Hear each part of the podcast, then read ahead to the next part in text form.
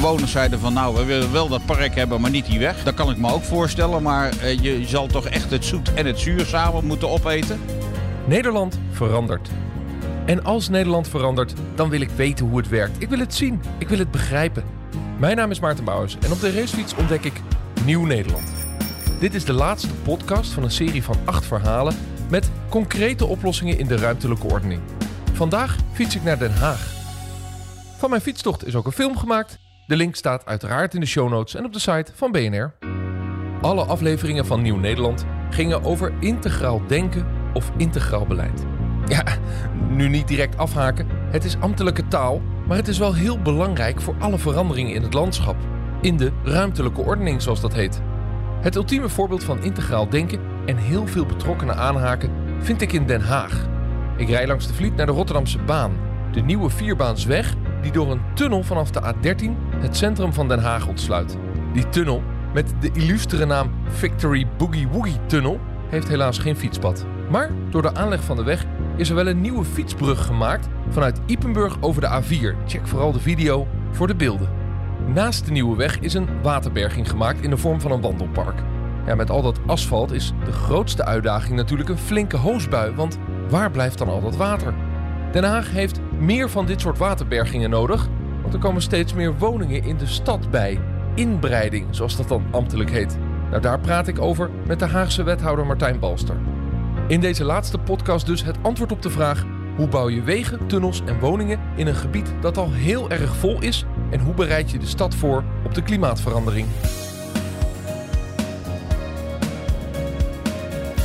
Door het tekort aan woningen, de snelle ontwikkelingen rond hoe en waar we werken en de ingrijpende transities op het platteland staan overheden weer voor grote ruimtelijke uitdagingen. In zo'n complexe politiek-bestuurlijke omgeving krijg je alleen dingen voor elkaar als overheden de handen ineenslaan met burgers, investeerders, toekomstige gebruikers en ontwikkelaars. Twijnstra Gudde begeleidt de partijen hierbij. Zij kennen de geschikte methodieken en hebben alle benodigde expertise in huis om de samenwerking vorm te geven. Daarom zijn zij voor ons de partner bij het maken van deze podcastserie. Ik fiets over het nieuwe fietspad tussen de Waterberging Molenvlietpark, Pretpark Drievliet en de Nieuwe Weg. Paul Jansen, de projectdirecteur, wacht mij op. Daar ligt hij dan, naast ons, de Rotterdamse baan. We horen hem op de achtergrond. Ehm, ja, als projectdirecteur, een project waar je trots op bent, denk ik. Ja, absoluut. Het is, uh, het is een heel mooi product geworden. Ook al omdat het uh, nou, tot op dit moment nog steeds de meest duurzame tunnel van, uh, van Europa is.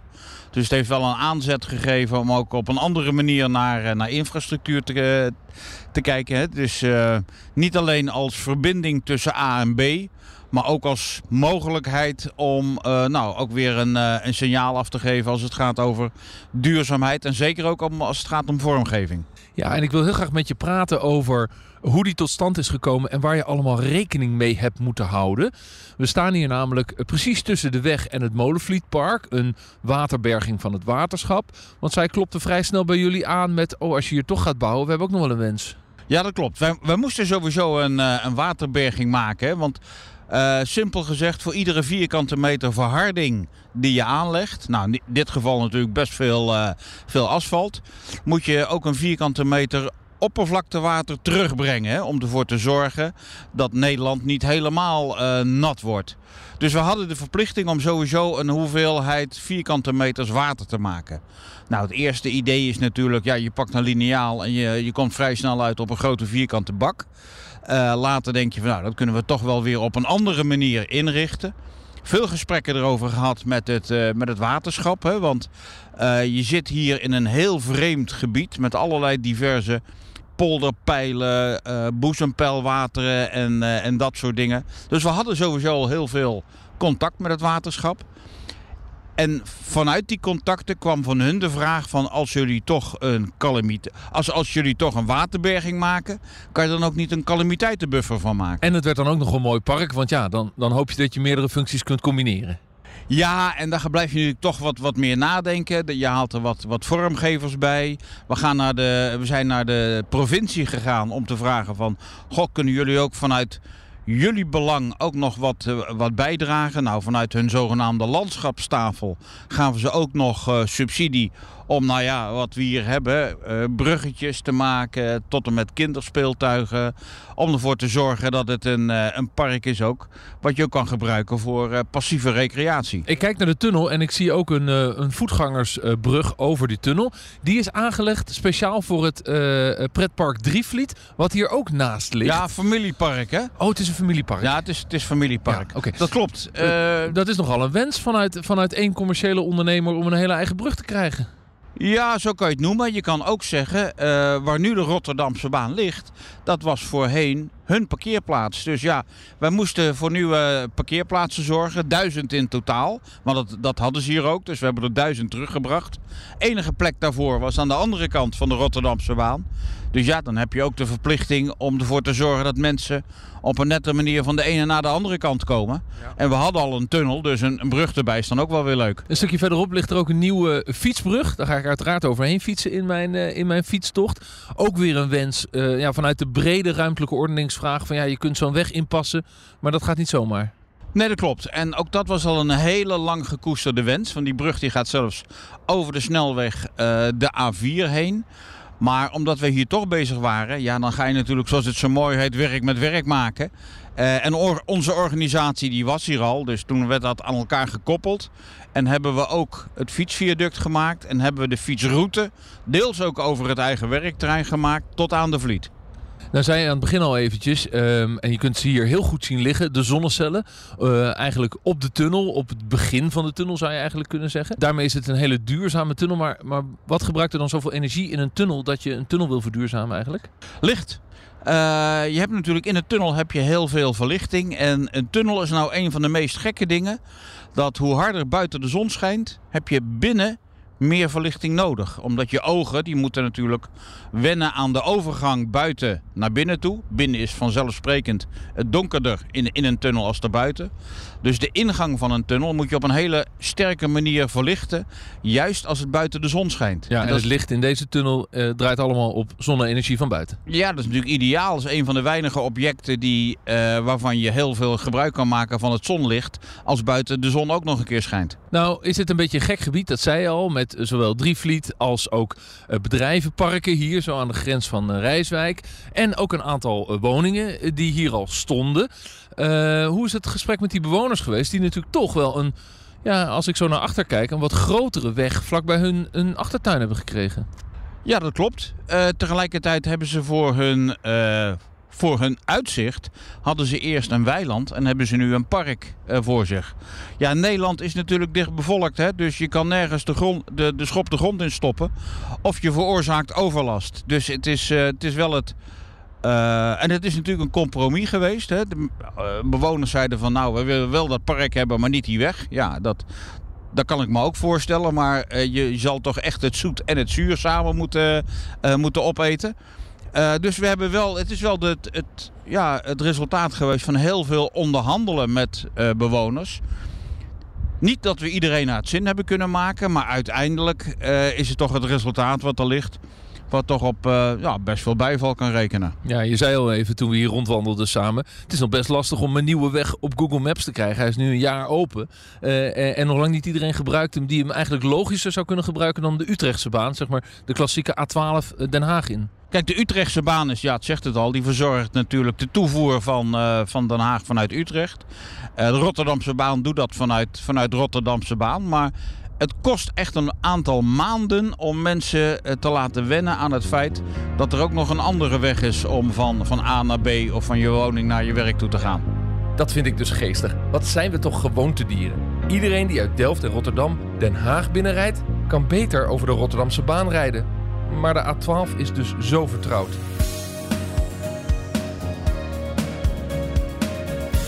De Rotterdamse baan kon er alleen komen als er ook nieuw, groen en blauw gemaakt zou worden. Ja, zo noemen beleidsmakers parken en sloten.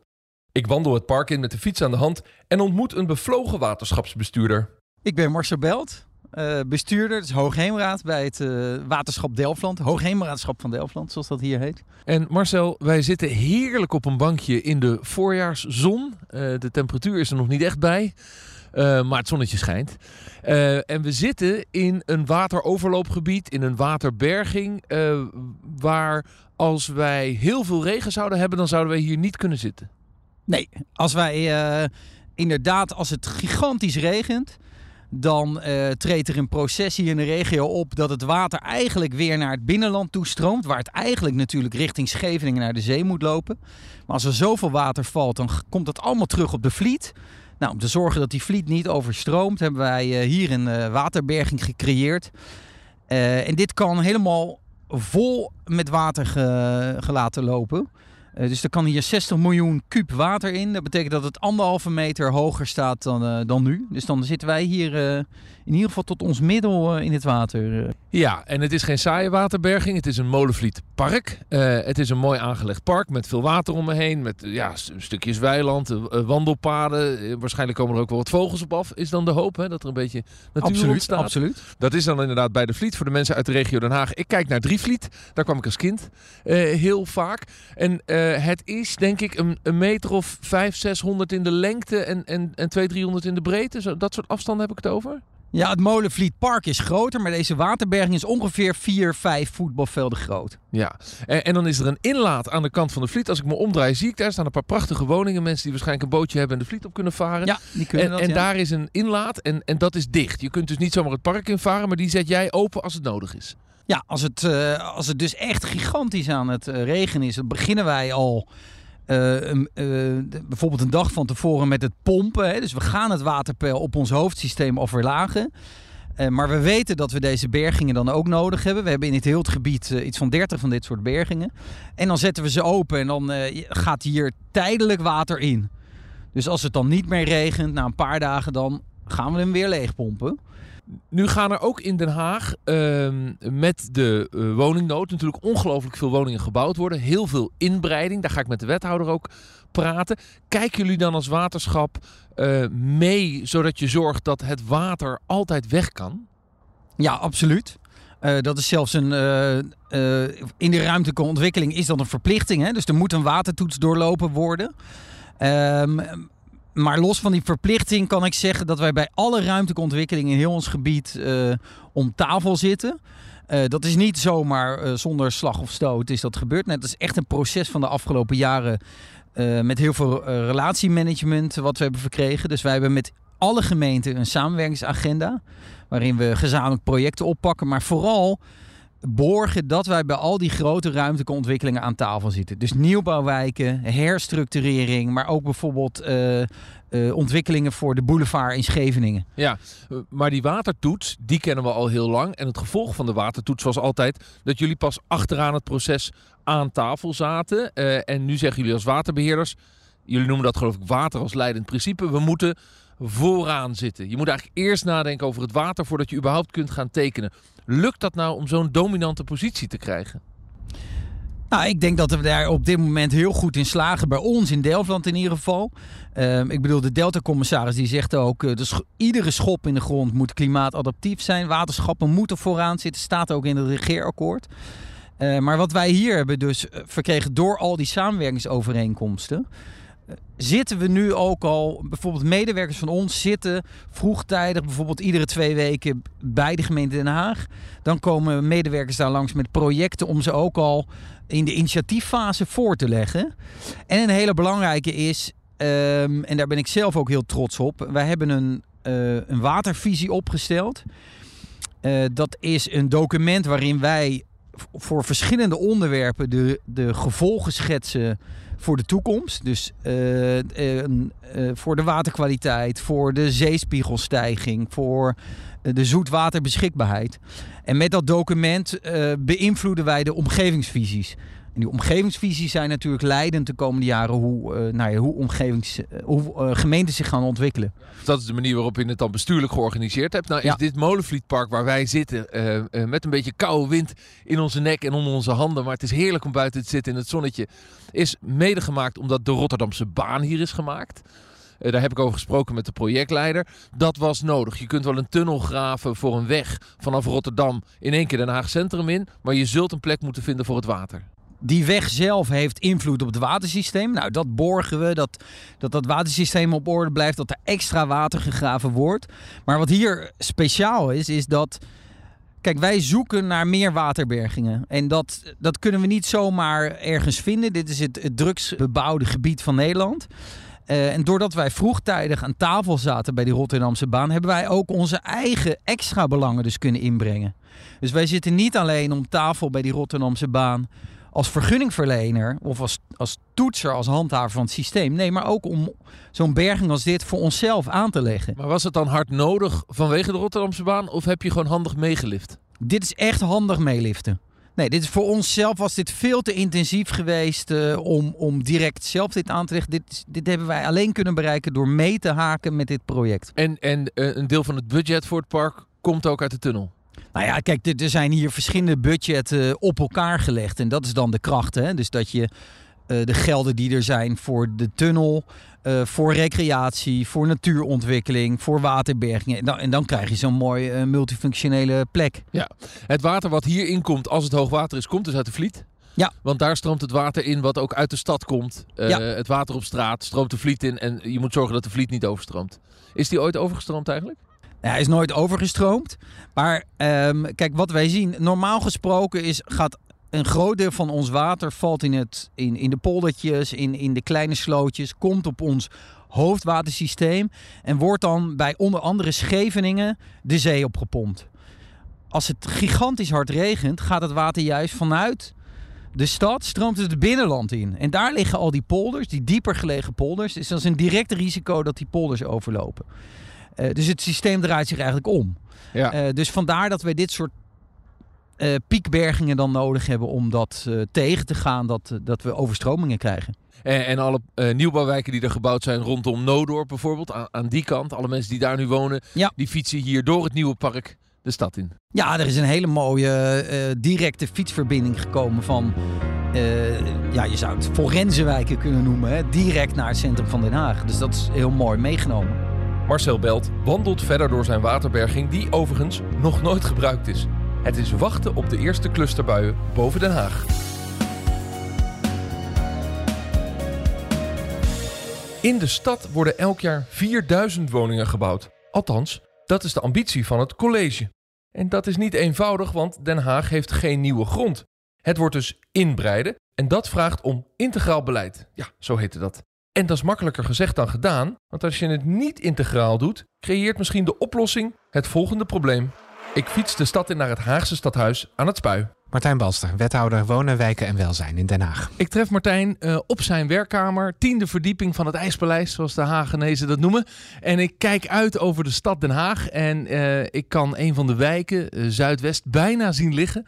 daar moeten we het straks even over hebben met elkaar. Maar ik ben ook bij de Rotterdamse baan geweest, Martijn. En um, ja, dat is een bijzonder project. De weg gaat nu een jaar lang de stad in.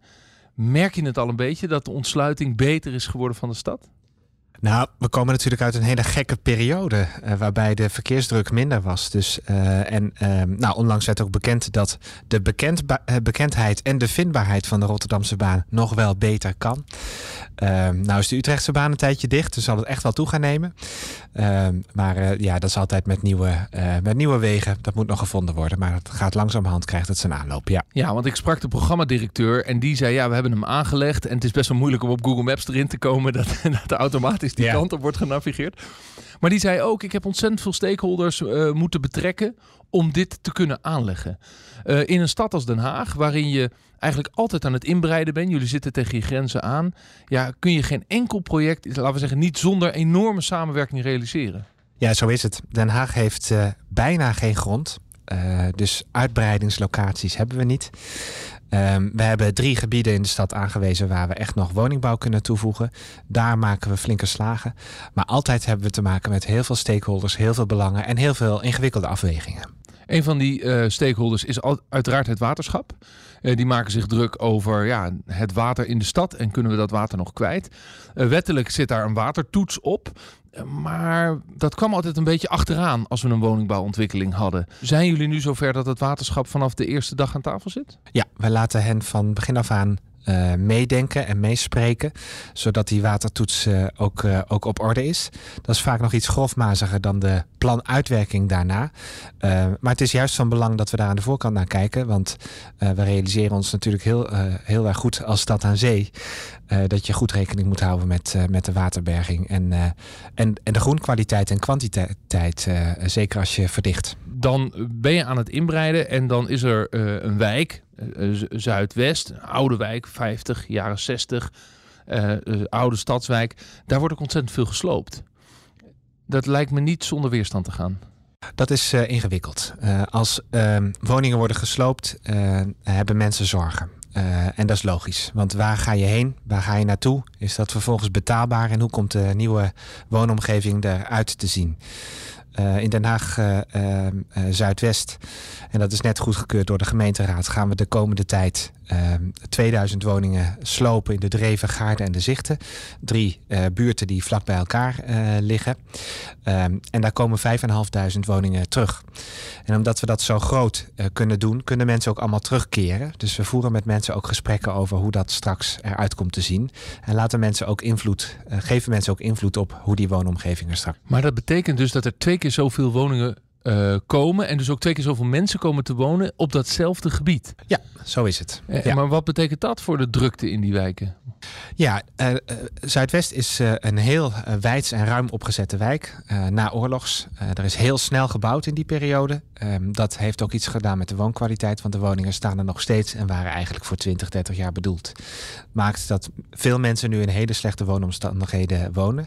Maar als ze ergens trots op zijn, dan is het wel de wijsheid en het vele groen maar tegelijkertijd hebben we ook ruimte uh, om weer nog extra groen toe te voegen. Want er zijn ook brede straten, er zijn ook brede stoepen. Uh, we kunnen het openbaar, de openbare ruimte echt nog flink vergroenen. En we zien dat de groene ruimtes, bijvoorbeeld de grote welbekende corporatietuinen, eigenlijk heel weinig worden benut. En dat er ook heel weinig mag. Er staan verbodsbordjes letterlijk voor. Je mag er eigenlijk niet op.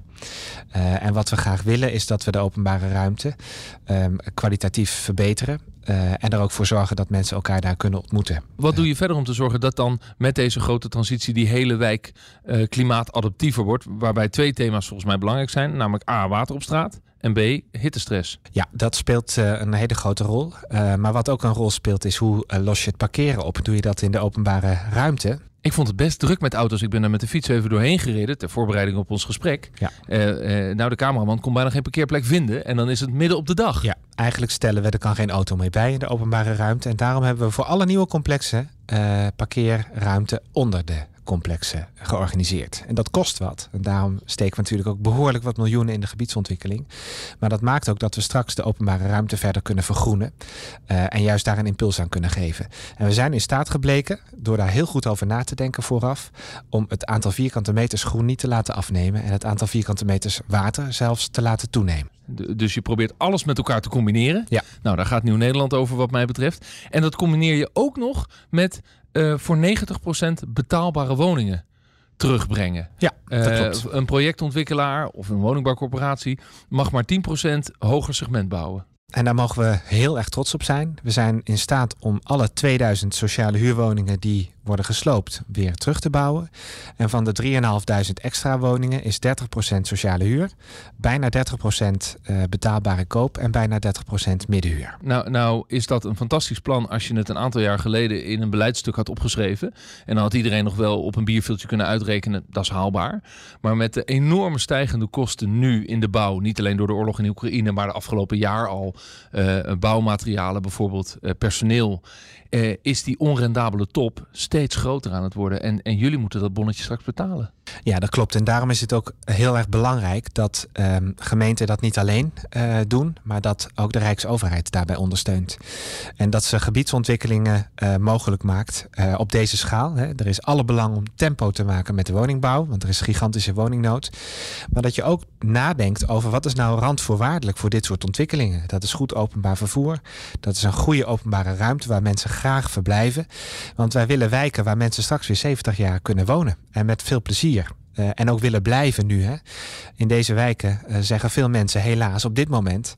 ik wil liever vandaag nog dan morgen verhuizen. En dat wil je natuurlijk niet. Je wil wijken hebben waar je nu woont, nu graag woont... en straks ook wil, oud wil worden, om het maar zo te zeggen. Maar, maar deze sloop van die 2000 woningen en uiteindelijk 5000 woningen terugbouwen... wanneer moet dat gerealiseerd zijn?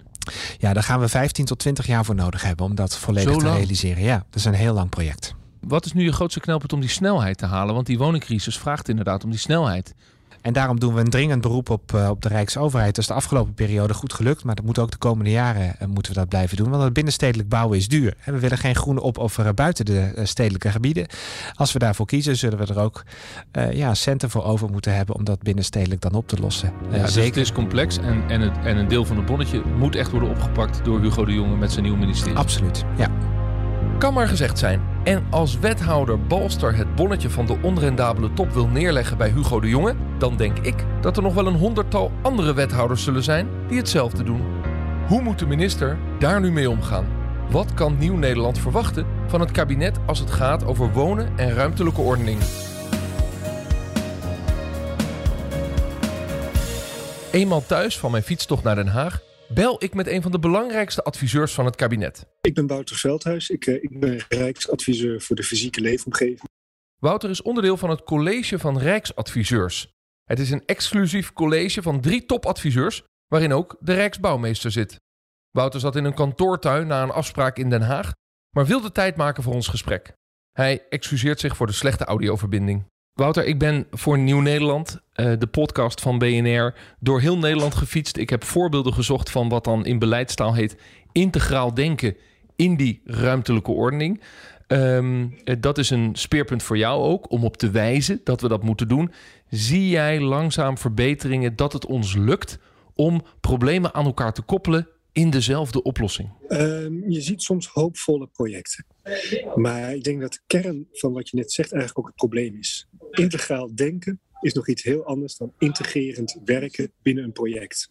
Uh, dat klinkt als een woordspel, maar binnen de Rijksoverheid is het natuurlijk heel gemakkelijk om integraal te denken door alle verschillende beleidsuitgangspunten uh, in een map te doen en daar een nietje doorheen te slaan en daarop het kaf te schrijven, integraal. Ik heb ook gemerkt in de projecten die ik bezocht heb, bij een aantal, dat er toch ook een klein beetje extra subsidie nodig is van een gemeente of van een provincie om die stap te zetten, waarbij je toch een beetje in de pilotsfeer blijft. Is dat dan het gevolg van wat jij omschrijft? Uh, ja, maar misschien is dat ook wel uh, de essentie van wat integrerend doen betekent. Je bent eigenlijk altijd pilots aan het doen. Het is een permanent experiment.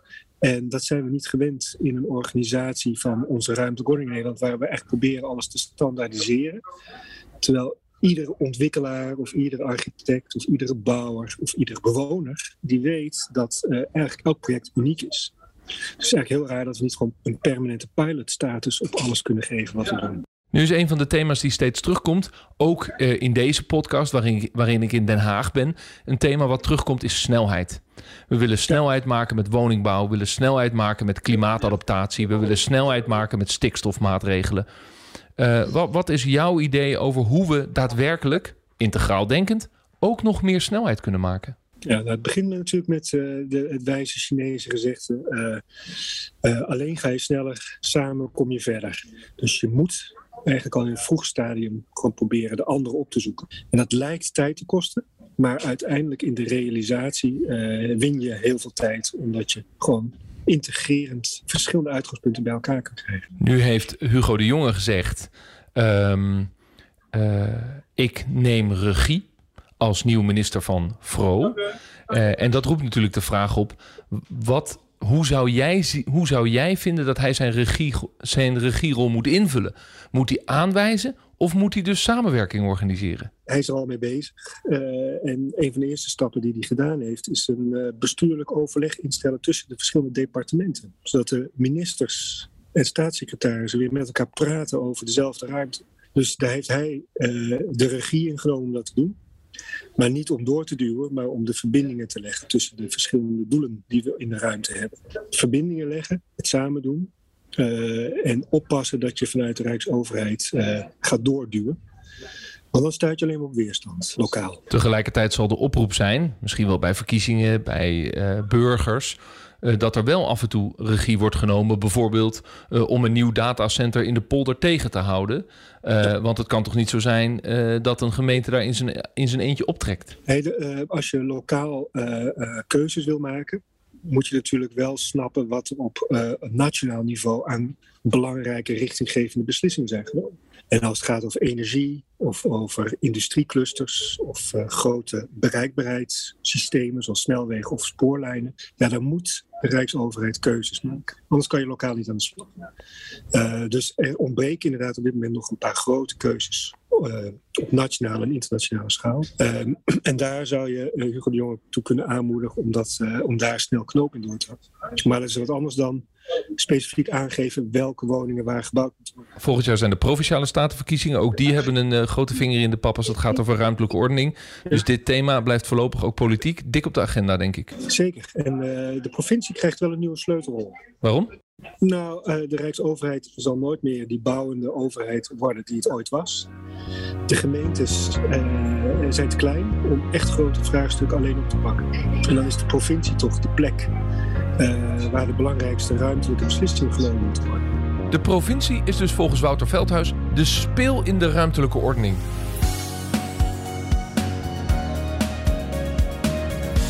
Hier eindigt mijn fietstocht door Nieuw-Nederland.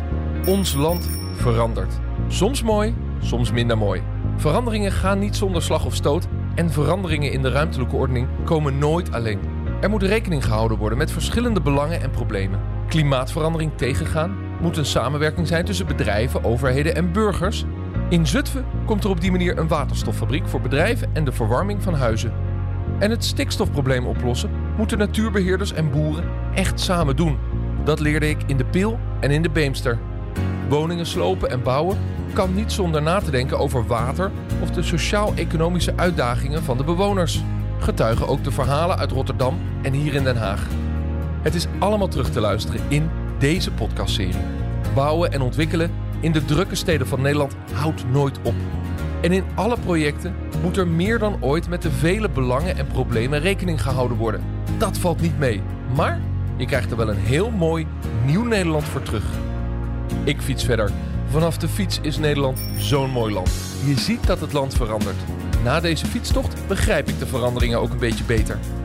Vergeet niet de video van mijn fietstocht door Den Haag te bekijken. De link staat in de show notes op de site van BNR en onze partner Twijnstra Gudde. Mijn naam is Maarten Bouwhuis. Bedankt voor het luisteren. Dag.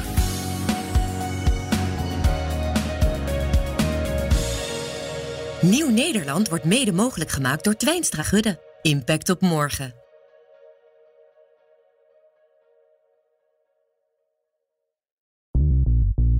BNR ben je altijd als eerste op de hoogte van het laatste nieuws. Luister dagelijks live via internet. Jelle Maasbach. Wesley Weert. We zijn er voor je met het leukste, opvallendste, maar natuurlijk ook het belangrijkste nieuws. Tijdens de presentatie van die halfjaarcijfers toen die beurskoers in elkaar kukkelde. BNR Beurs. Voor de slimme belegger. Blijf scherp en mis niets.